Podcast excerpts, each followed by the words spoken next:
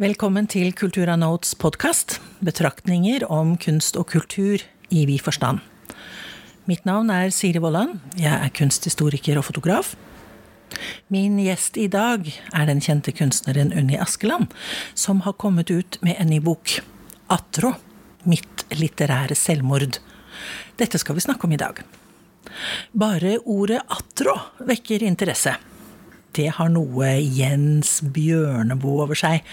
Hvilket forhold har du til ordet attrå? Ordet attrå, attrå det betyr jo lengsel og begjær, på en måte, ikke sant. Og um, det er en ting som egentlig har Som følger meg gjennom livet, på en måte, gjennom hverdagen, gjennom alle de morsomme tingene også, så er det Det er så essensielt også i kunsten, fordi at det er liksom alltid lengsel etter å, å, gjøre noe, alltid lengsel etter noe det perfekte, lengsel etter kanskje kjærlighet, selv om du liksom føler at du kanskje har nok kjærlighet via venner, familie og elskere innimellom, og så, og så er det dette der, det der essensielle begjæret, liksom. Jeg føler ikke at det er avtatt med min alder og med at jeg er blitt en voksen kvinne. Jeg føler tvert imot. Så jeg syns jo det også er litt sånn Så det var liksom Jeg hadde ikke noe valg. Så først så sjekket jeg litt ut at det egentlig kanskje er et nynorsk ord. Men egentlig ikke, fordi vi brukte det veldig mye før i tiden, og det er brukt veldig mye i litteraturen. Og som du sier, det med Bjørneboe, det er veldig festlig. Fordi at til helgen så skal jeg på protestfestivalen i uh, Kristiansand. Og der skal jeg da være gjest i sånn debattprogram, eh, debattprogram som altså, omhandler Jens Bjørneboe og Farvel, broder alkohol og tanker om selvmord og sånne ting. I og med at han var jo han var vel alkoholiker, kan man jo si, og han drakk seg vel kanskje nesten i hjel, men han gjorde jo ikke det, for han uh, hengte seg jo. Så, så, liksom dette her er jo Ja. Så det er jo ikke den lystigste helgen. men hva skal jeg si, jeg kan jo snakke en del om det, men det blir jo ganske sårt og sånn på grunn av Ari, ikke sant. Så men boken din har jo en fantastisk eh, stikktittel etter Atro Mitt litterære selvmord. Ja, men det er jo rett og slett fordi jeg er billedkunstner og ikke forfatter. Men på en måte så disse tingene her, de kunne jeg ikke male, for det er nesten sånn noe av det kan jo grense til det patetiske, men samtidig så mener jo jeg stort sett at de tre tingene vi øh, jobber med i kunsten, er livet, døden og kjærligheten. Og folk kan si hva de vil. Altså, de kan være så konseptuelle og analytiske og intellektuelle som de vil. Altså, jeg føler faktisk at jeg er det selv. så, så, liksom Men akkurat den boka her måtte jeg bare skrive, og så var det litt sånn også at jeg har hatt lyst til å skrive siden jeg var i 20-årene. Og så begynte jeg den gangen, i slutten av 20-årene, så begynte jeg å skrive. Etter jeg fikk siste datteren min, jeg var 28, så etter jeg fikk henne, så var jeg liksom jeg skrev veldig mye dikt, jeg begynte på en bok, jeg skrev på nynorsk Altså, jeg hadde ambisjoner som var større enn det ja, i det hele tatt klarte jeg å gape over. Så det som var, var jo det at jeg da skrinla disse tingene, og så begynte jeg etter samlivsbrudd så lagde jeg noen videoer og sånn. En som het Failure, og en som het um, uh, Fear Story. Og på en måte disse ble jo liksom Det var jo også noe å gjøre liksom på en sånn crossover innenfor billedkunsten. ikke sant? For jeg følte også at jeg ikke da kunne si uh, Altså, si disse tingene med maleriet. Jeg måtte gjøre det sterkere. Så derfor så har jeg brukt ord denne gangen, da, og du kan si det sånn at det er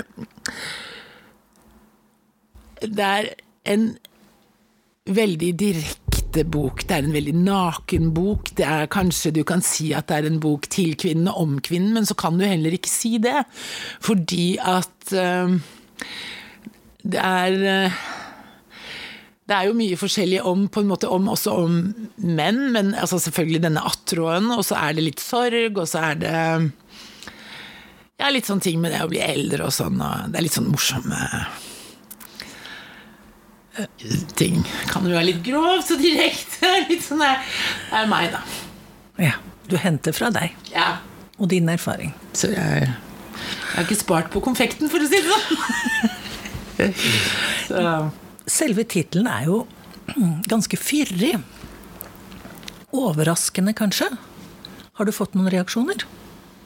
Ja, altså Det morsomste var vel kanskje å som også kanskje er litt spesielt fordi man er billedkunstner, så er det noe med det visuelle.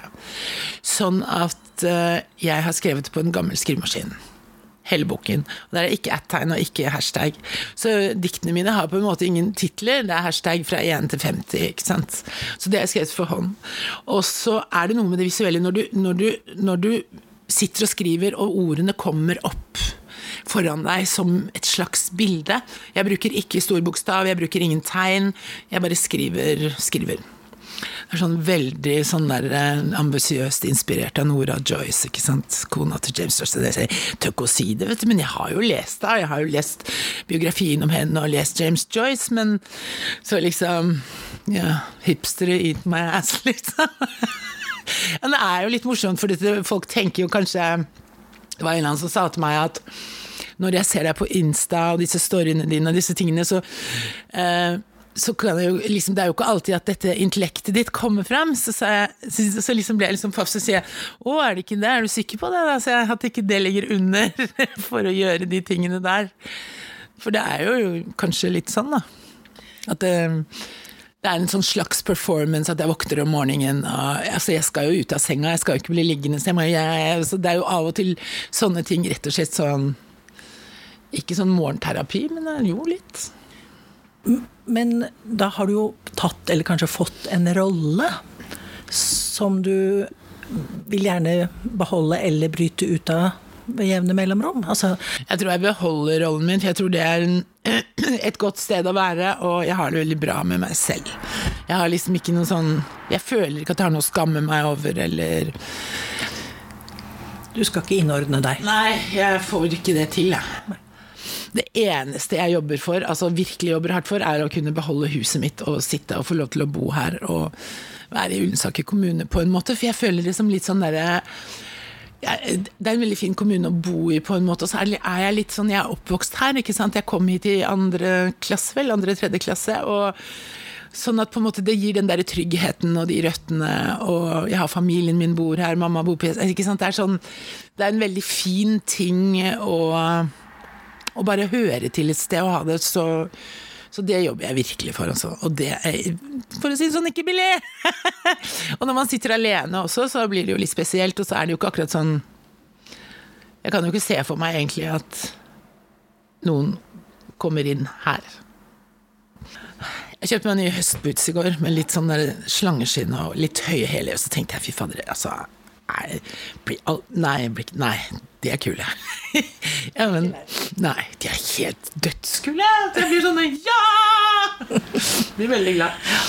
Ja. Men det, det, er bra. Men du, du har jo da samlet kunsten din i en bok. Ja. Har du gjort det før? Nei. Det er første gang, og den er utgitt på eget forlag.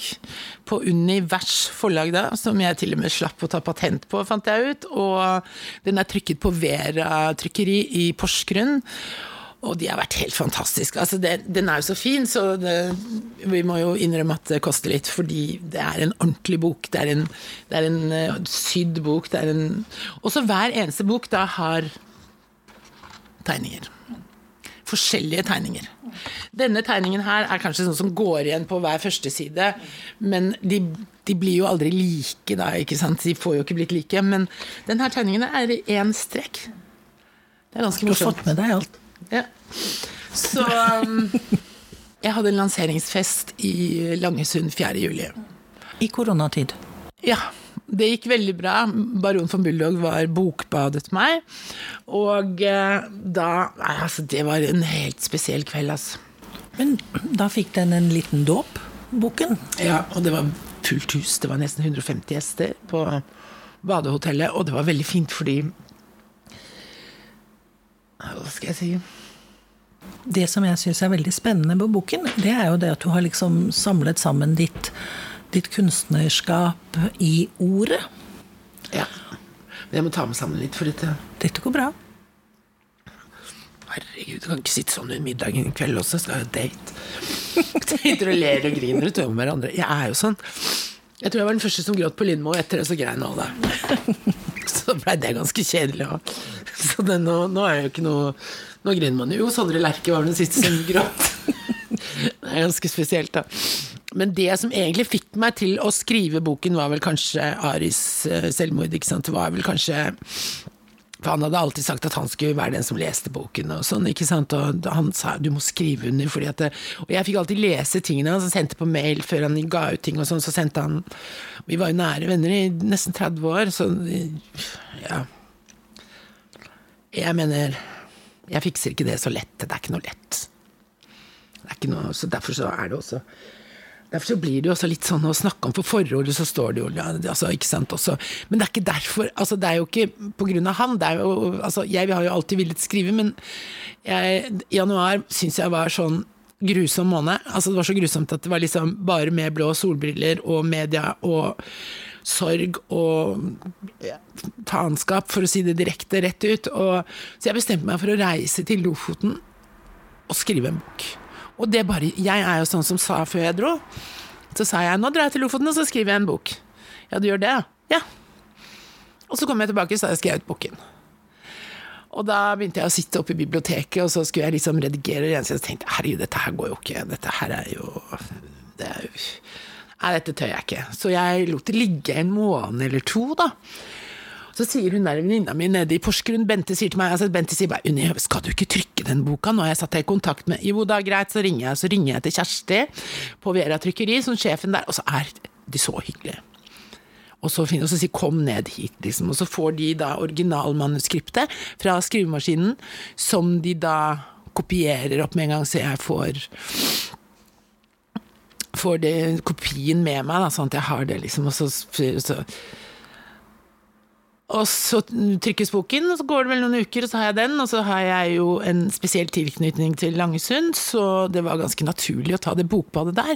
Fordi jeg kjenner også så godt eh, direktøren på hotellet, og så syns jeg også det er litt sånn Folk Altså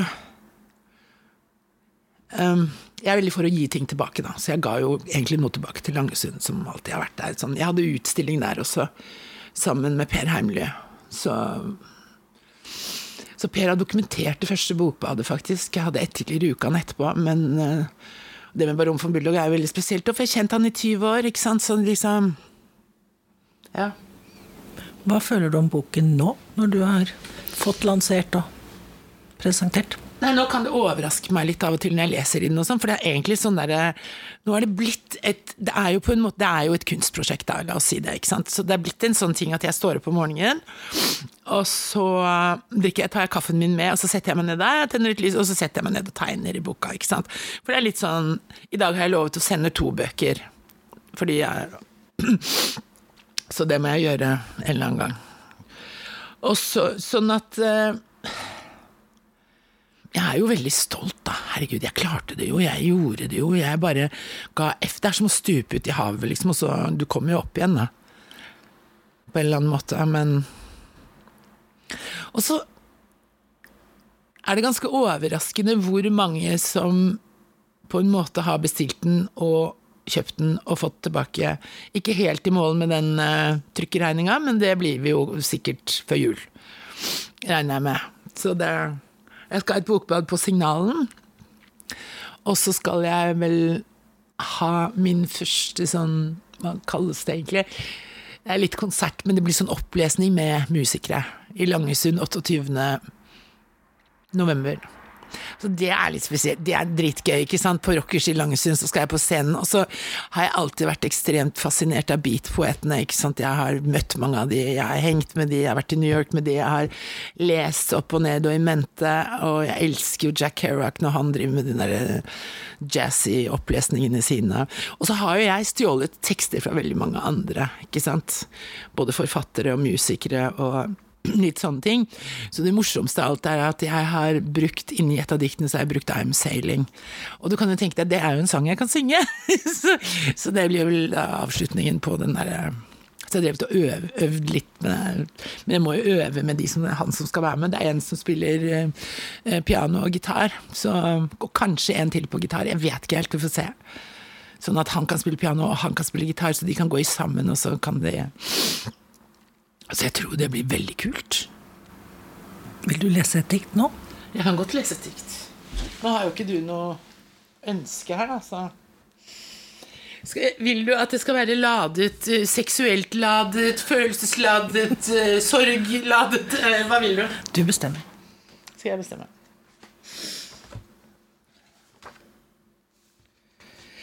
Ja.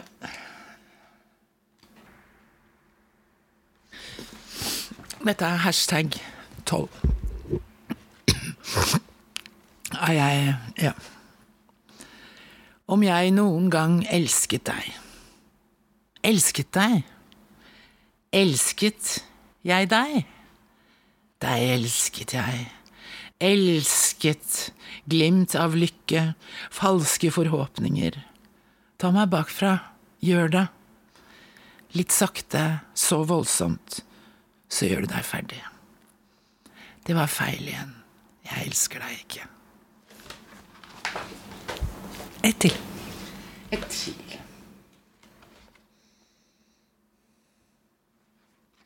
Hashtag 34. Hente vask og knuse flasker. Jeg møtte den gamle mannen, han med den gamle sjarken ytterst på brygga. Med en gammel pelslue av ulv. En tung handlepose og flakkende blikk. Spørsmålet om hvorfor jeg skriver, høres enkelt ut her. Men enkeltheten er forræderisk. For nå har jeg sittet foran skrivebordet mitt i Svolvær i Lofoten i tre dager uten å komme noen vei med det. Jeg sto en stund og så etter mannen. Han holdt seg i rekkverket da han steg om bord. Men allikevel med letthet, en vane, et fiskeliv. Jeg skriver fordi jeg skal dø. Jeg kan ta et par til slutten også, eller skal jeg ta mer nå? Du kan ta en til, hvis du vil. Det er veldig mye død her, så jeg nå. Du sa jo det. Livet, Ja, ja, døden og kjærligheten. ja. Jeg kan jo ta det her som handler litt om en mann jeg traff. Det er jo hyggelig. Hashtag 23. Selsom opplevelse. Nå gikk Even, eventyrlyst, lyst, eventyr og gange. Spora i snøen, tok hånda mi, takket. Ei stund av gul jakke, ei stund av langt skjegg. Ei stund her på jorda. Vi, oss, du og jeg. Endeløse samtaler. Glimt av ei lykke. Sekunder av amor. Vi, du og jeg, et dikt. Gangerolf, et eventyr. Der gikk Even. Ekstremsport. Morsomt. Det var litt morsomt, fordi min eldste datter har jo studert eh, Min eldste datter har jo studert litteratur, og hun uh, syntes det var så artig at jeg egentlig hadde titlene til slutt. Som en sånn overraskende eh, poeng, liksom. Sånn at hele liksom, poenget kom i det siste ordet, da. Og det har jeg ikke tenkt på i det hele tatt selv. Men hun så det jo, og hun, jo, hun har jo rett, for å si det sånn.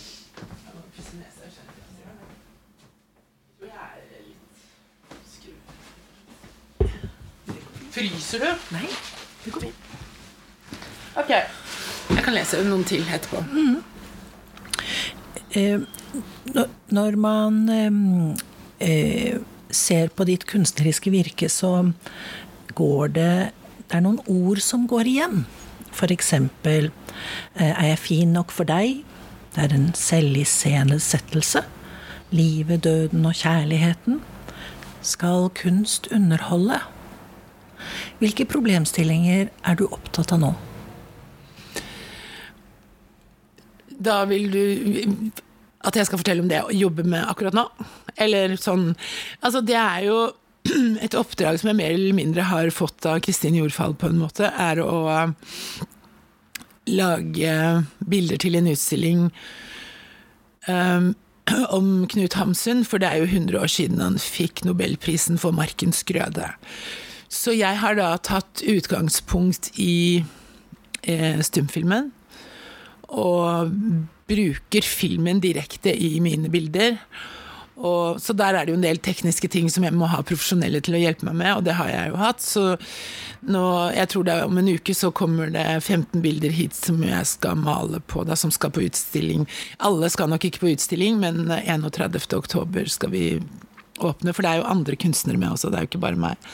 Men 14. november så skal jeg eh, eh, snakke med Per Haddal på Cinemateket, fordi først skal de vise Markens Grøde, stumfilmen, og så etterpå skal vi snakke om eh, hvordan jeg har jobbet med det, og hvorfor jeg har jobbet med det, og hvilke problemstillinger, ikke sant, hva jeg har fått ut av Inger og Isak og Isak og Sellander og alt det her, ikke sant, altså det er jo ekstremt interessant, og for ikke å snakke om liksom, språket, da. Jeg blir jo helt henført.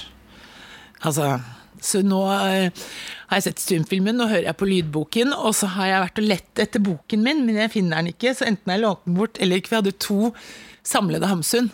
Den er ikke der. Så nå må jeg vel antageligvis enten gå på bibliotek, men det kan jeg ikke, for jeg har tenkt å bruke den og lese fra den når jeg har det intervjuet eller den samtalen med Per Haddal.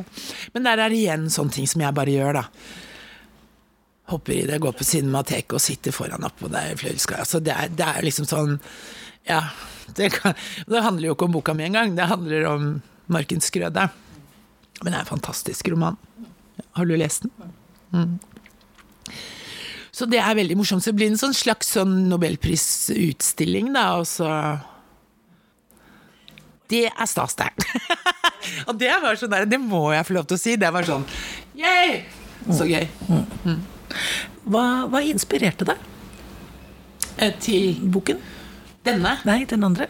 Og Markens Grøde. Um, nei, altså det jeg har gjort, da Jeg har tatt ut stills fra filmen. Og dette har jeg gjort en gang før, for jeg har jobbet med Hamsun-fantasier tidligere, og da har jeg jobbet med Sult. Så da tok jeg ut stills, og så maler jeg på de. Så på en måte så bruker jeg da Jeg har fremkalt foto, 75 foto, så jeg har jo bare fått tatt ut noen av de, en sånn slags gang i filmen. Men det som inspirerer meg kanskje med filmen, er jo Altså, det er jo ikke lyd. Og det er jo helt nydelig, egentlig, når du skal lage bilder, ikke sant. For da, liksom, da ser du bildene, det er så mye sterkere. Og så kommer disse tekstene innimellom. Så jeg er jo liksom på en måte nødt til å se den kanskje en gang til, eller to ganger til, og så kanskje referere, altså bruke disse her eh, Men det jeg kan gjøre, på en måte, er at jeg kan dobbelteksponere bildene. Jeg kan, jeg kan jeg får det bildet trygt på lerret, men jeg kan lasere over fra de fotoene som du ser står på bordet mitt der borte. Jeg kan bruke fotoene, så den kan stå, så kan jeg lage konturer og laseringer, og så kan jeg bare kanskje male noen ting. Altså, det blir jo ganske sånt Det blir jo et gjennomført sånn litt sånn sirlig prosjekt, da. Litt sånn tøft, egentlig. Det blir tøft, det blir kult. Så jeg skulle bare sett alle 15 etter hverandre, sånn at jeg kunne gått men jeg, altså atelieret mitt Jeg vet ikke, kanskje det er ferdig snart. Du tenker på vannlekkasjen i atelieret ditt? Mm. mm. ja, men jeg har ikke vært der på mange måneder. Nei. Jeg har vært her. Men korona har jo måttet uh, kanskje endre en del vaner uh, for en kunstner, eller for de kanskje de fleste kunstnere? Hvis jeg skal være helt ærlig, så for meg så kanskje før så hadde jeg en sånn slags Det har jeg tenkt på så mye, og snakket om det i går også. Og jeg tenkte før hadde jeg kanskje en sånn derre 60% konsentrasjon, fordi jeg hele tiden måtte flytte meg herfra til jobben, og at jeg ikke kunne gjøre det når jeg ville. og at jeg ikke... Men egentlig maler jeg på kjøkkenet, skjønner du. Så det står vanligvis et staffeli her med bilder på. Jeg har malt 14 bilder eller noe sånt i den her koronatiden. Og nå er vel konsentrasjonsnivået mitt på et eller annet sted mellom 90 og 100. Så det har vært så bra for meg. Og det har jo ikke vært så veldig annerledes. Jeg bor alene, jeg arbeider alene, og jeg har kunnet hatt uh, familie på besøk, fordi vi har hatt en sånn liten og vi Altså bank i bordet har holdt oss friske. Så vi har hatt det ja, fint, egentlig. Og, men til å begynne med så var det jo litt angst og litt sånn ekkelt, og da så vi hverandre sånn utafor og på avstand og litt sånn, fordi det var ingen av oss som visste noe om dette viruset, egentlig, helt til å begynne med. Så Men jeg gikk bare inn i en sånn symbiose med kunsten, altså. Rett og slett inn i Og med litteratur, og med Altså, boka, selvfølgelig skrev den ferdig. Altså, jeg gjorde bare Og veldig mye Altså, du kan si man har kommet nærmere venner på FaceTime. Og det, altså det er helt spesielt vakkert, egentlig. Du sitter på FaceTime og deler en flaske vin og prater. Så jeg har flere venninner som jeg ikke egentlig har sett på lenge, som jeg har sett så mye nå og som til og med har kommet hit og vært her, og vi har kommet nærmere hverandre, egentlig. Og det er ganske morsomt. Og mamma hver dag. Da. Mamma venter jo sikkert nå, for jeg har ikke fått gjort det i dag. ikke sant? Men jeg skal prøve å gjøre det mellom deg og middagsdaten min i dag. Så det er litt sånn ja. Men du føler at denne tiden kanskje har vært en kunstnerisk boost, kanskje, da? Ja. Faktisk. Og jeg har mye mer jeg vil gjøre. Og ikke bare det, jeg var jo i Drammen til og med med disse her uh, graffitigutta, med Mikael og Erik. Og det Altså De er jo helt vilt geniale, altså, med de sprayboksene sine. De laget jo uh, det maleriet mitt, det ene maleriet mitt, også sånn at det er blitt en sånn 50 kvadratmeter. Altså, det var sånn Jeg var med, men jeg fikk ikke være med, for jeg var bare ikke bra nok. Selv om det var mitt bilde. Fordi at jeg, jeg kunne være med når jeg brukte litt pensel. Så, men skal ikke bruke pensel. Så jeg spraya litt, da, og så brukte jeg rulle og sånn. Men stort sett så overlot jeg det til, til, dem. Og det er jo Det ble altså så fint. Så nå har vi laget et, eh, et trykk av det, som vi skal eh, lansere neste fredag i Oslo, på Tiffany's. da. Det har vært dødsgøy. For det var egentlig det prosjektet var, eh, skulle vært i Ullensaker kommune. Men så skrinla de det. Og sikkert gode grunner til det, da. Men det var litt synd, da. For det skulle være her, og det hadde vært så utrolig gøy. Men det kan jo hende at de kommer etter, og Jeg vet ikke. Men for det og fått foreviget noen vegger i Ullensaker kommune, liksom, og, vi, og Erik og Mikael, liksom, så hadde det vært helt fantastisk. Vi får se. Din neste bok, når kommer den? Egentlig, sannheten er at jeg skulle til eh, Kabelvåg i november. Jeg har leid huset egentlig, og skrive noveller. Men jeg får ikke gjort det, for jeg har så mye å gjøre, og det er jo kjempepositivt, ikke sant. Så jeg kan jo ikke Men jeg vil skrive noveller så vil jeg se Men da kanskje jeg skulle Arve lese de, da. Før de gis ut. Jeg vet ikke. Men jeg er litt sånn Jeg er så sær og gammel, vet du. det er litt sånn morsomt. Selv om jeg ikke forstår det. Forstår. Jeg, vet ikke, jeg vet ikke hvordan du er med det, eller hvordan de fleste kvinner Men jeg tror ikke vi forstår vår egen alder sånn som kanskje andre ser på oss, på en måte, da. Altså, vi bare Altså, jeg har det jo så bra. Jeg har det jo litt sånn deilig på en måte akkurat nå i livet mitt. Og det er vel kanskje også fordi at det har vært en periode som har vært veldig bra. Jeg er livredd for 21, hva som skjer, liksom. Jeg er livredd for om det åpner opp, om vi kan reise rundt, om jeg kan gjøre ting. Jeg er faktisk kjemperedd fordi jeg må øh, betale for å bo her. Ikke sant? Og det er det. Og så har jeg litt til overs til mat og andre ting. Altså. Så har jeg problemer innimellom, men så ordner det seg alltid. Mm. Så det Men har du noen planer for 21? Nei. Det er vel vanskelig? Det er faktisk vanskelig, fordi at eh, Altså, nå, går, nå går den Hamsun-utstillingen sikkert litt rundt, og kanskje jeg gjør noe mer med, med, det også til neste, selv om det er 21. Og så må jeg gjøre ferdig maleriene mine. Altså, jeg lager jo en utstilling. Det første jeg antageligvis gjør når atelieret mitt åpner, er å lage utstilling. I atelieret. For nå er det rydda, og nå blir det pussa opp, nå blir alt sånn der, så da kan vi, det kun være en utstilling, så inviterer jeg til atelierkveld og sånn. Og da Da tenker du bildene fra boka? Hmm? Da tenker du bildene fra boka di? Nei, det er de bildene som står rundt her, som jeg har malt nå, så jeg kan vise deg etterpå. Det er litt sånn korona. Jeg har jo utstilling på Hamar nå, da. Jeg tror ikke, jeg har ikke solgt noen ting. Tror jeg. Da hadde jeg nok hørt det. Har du en agent? Nei. Jeg har meg selv, ja. Det er litt sånn Siste utstillingen jeg hadde som var litt omtalt og sånn, det var jo den der 100-årsjubileet for Foreningen Norden, nordiske ikoner, på Grand Hotell. Så ja. På Blåfarveverket ja. i 2010 ja. så hadde du noen bilder av din far. Ja. For da døde pappa i januar. Mm. Det var veldig vakre bilder. Takk. Så du? Så fint. Var du der på åpninga? Mm.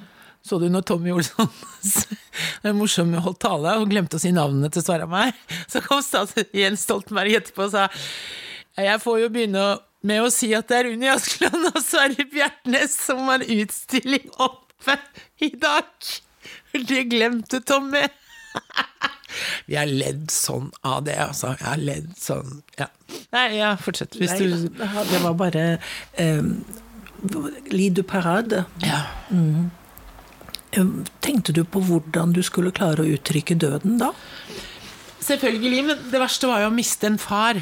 Og så klarte jeg ikke å gå derfra, så jeg sov der sammen med min yngste datter. Vi fikk lov til det, og så gikk jeg ned dagen etterpå og satt jeg alene med pappa i noen timer, og så tok jeg litt bilder og sånn, så tenkte jeg jeg bare gjør det. Men så syns jeg de bildene ble litt sånn forferdelige. Det var ikke noe sånn Jeg har de sikkert et eller annet sted, men jeg gjemte de bort. Det er ikke noe Men når han lå sånn pent i kisten, når vi fikk se han i kapellet, så tok jeg en del bilder og sånn, de ble egentlig veldig sånn det er ikke så mye forandring i de maleriene, det er heller ingen farger. Da. Det er bare sort-hvitt og kull på limdrenka lerret. Så det var jo en veldig sånn Var en litt sånn overlevelsesreise, for jeg visste ikke helt hva jeg skulle gjøre, så jeg gikk rett til atelier og begynte med de. Så det Og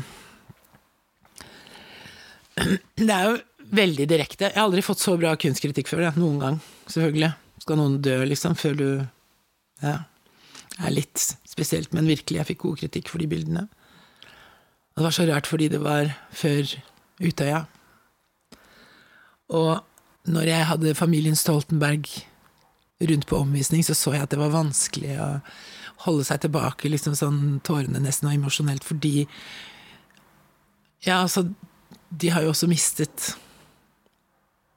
familiemedlemmer og andre liksom så kjære, så det er jo sånn Ja, nei. Det er jo spesielt. Og så kom jeg ut av det etterpå, så så jeg hvor bra Altså hvordan Jens var da. Og han, altså, da Det var jo Utrolig. Livet, døden og kjærligheten, Unni. Ja. Kjærligheten nå, da, eller? Kjærligheten av Gud, altså.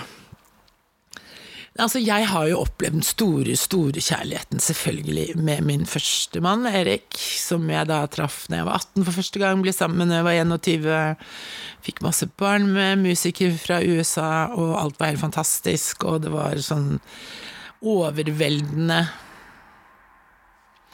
ja, det gikk vel veldig bra i sånn 15 år, tenker jeg, men så begynte det å skrante, og så kom Sverre inn i livet mitt, og så begynte vi å jobbe sammen, og så var vi veldig, veldig gode venner, men så ble det liksom sånn Vi begynte jo også å på en måte ha et forhold, da. Sånn bak de fleste sin rygg, så de fleste fikk jo sjokk. Og så var han mye yngre enn meg. Og Erik var 20 år eldre, og Sverre 14 år yngre. Men han kom jo rett fra Nerdrum og hit, og malte Nerdrum inspirerte bilder med en barokk palett, og jeg med min ekspresjonistiske palett og ville opplegg, liksom. Så han kom jo da inn i samtidskunsten, da. På en måte med meg. Og malte jo Flytta jo inn her, malte ungene mine. Veldig spesielt, egentlig. altså. Kjempespesielt. altså. Det, og det, det, jeg vet ikke om han kunne egentlig fått gjort det, hadde ikke det vært fordi at jeg var kunstner og at jeg hadde en friere at jeg klarte det. Og så gifta jo vi oss da til slutt. Så var vi gift i seks år. Så gikk han bare ut og ble borte, og så gifta han seg med en venninne av yngste datteren min. da. Nå syns jeg det er helt fantastisk. Hun er fantastisk. Altså Så det, jeg har ikke noe problem med noen ting. Jeg har ikke problem med å se han, eller Så det der var noe sikkert man skulle Vi skulle gjennom det der i livet. Vi skulle gjennom det Det eneste jeg savner, er kanskje vennskapet, selvfølgelig, og samtalen og sånn. Det savner jeg veldig, da, innimellom, fordi på Kløfta her så har man liksom de store, de store samtalene kanskje med seg selv. altså, ja Selvfølgelig, sønnen min jobber med kunst, jeg har jo mange samtaler med han, og med min eldste datter, og hun andre også som jobber med musikk, da, og Thea, selvfølgelig. Altså, det er jo Vi har jo alle samtaler, men det er jo essensen, liksom Folk pleier å spørre meg hva inspirerer deg?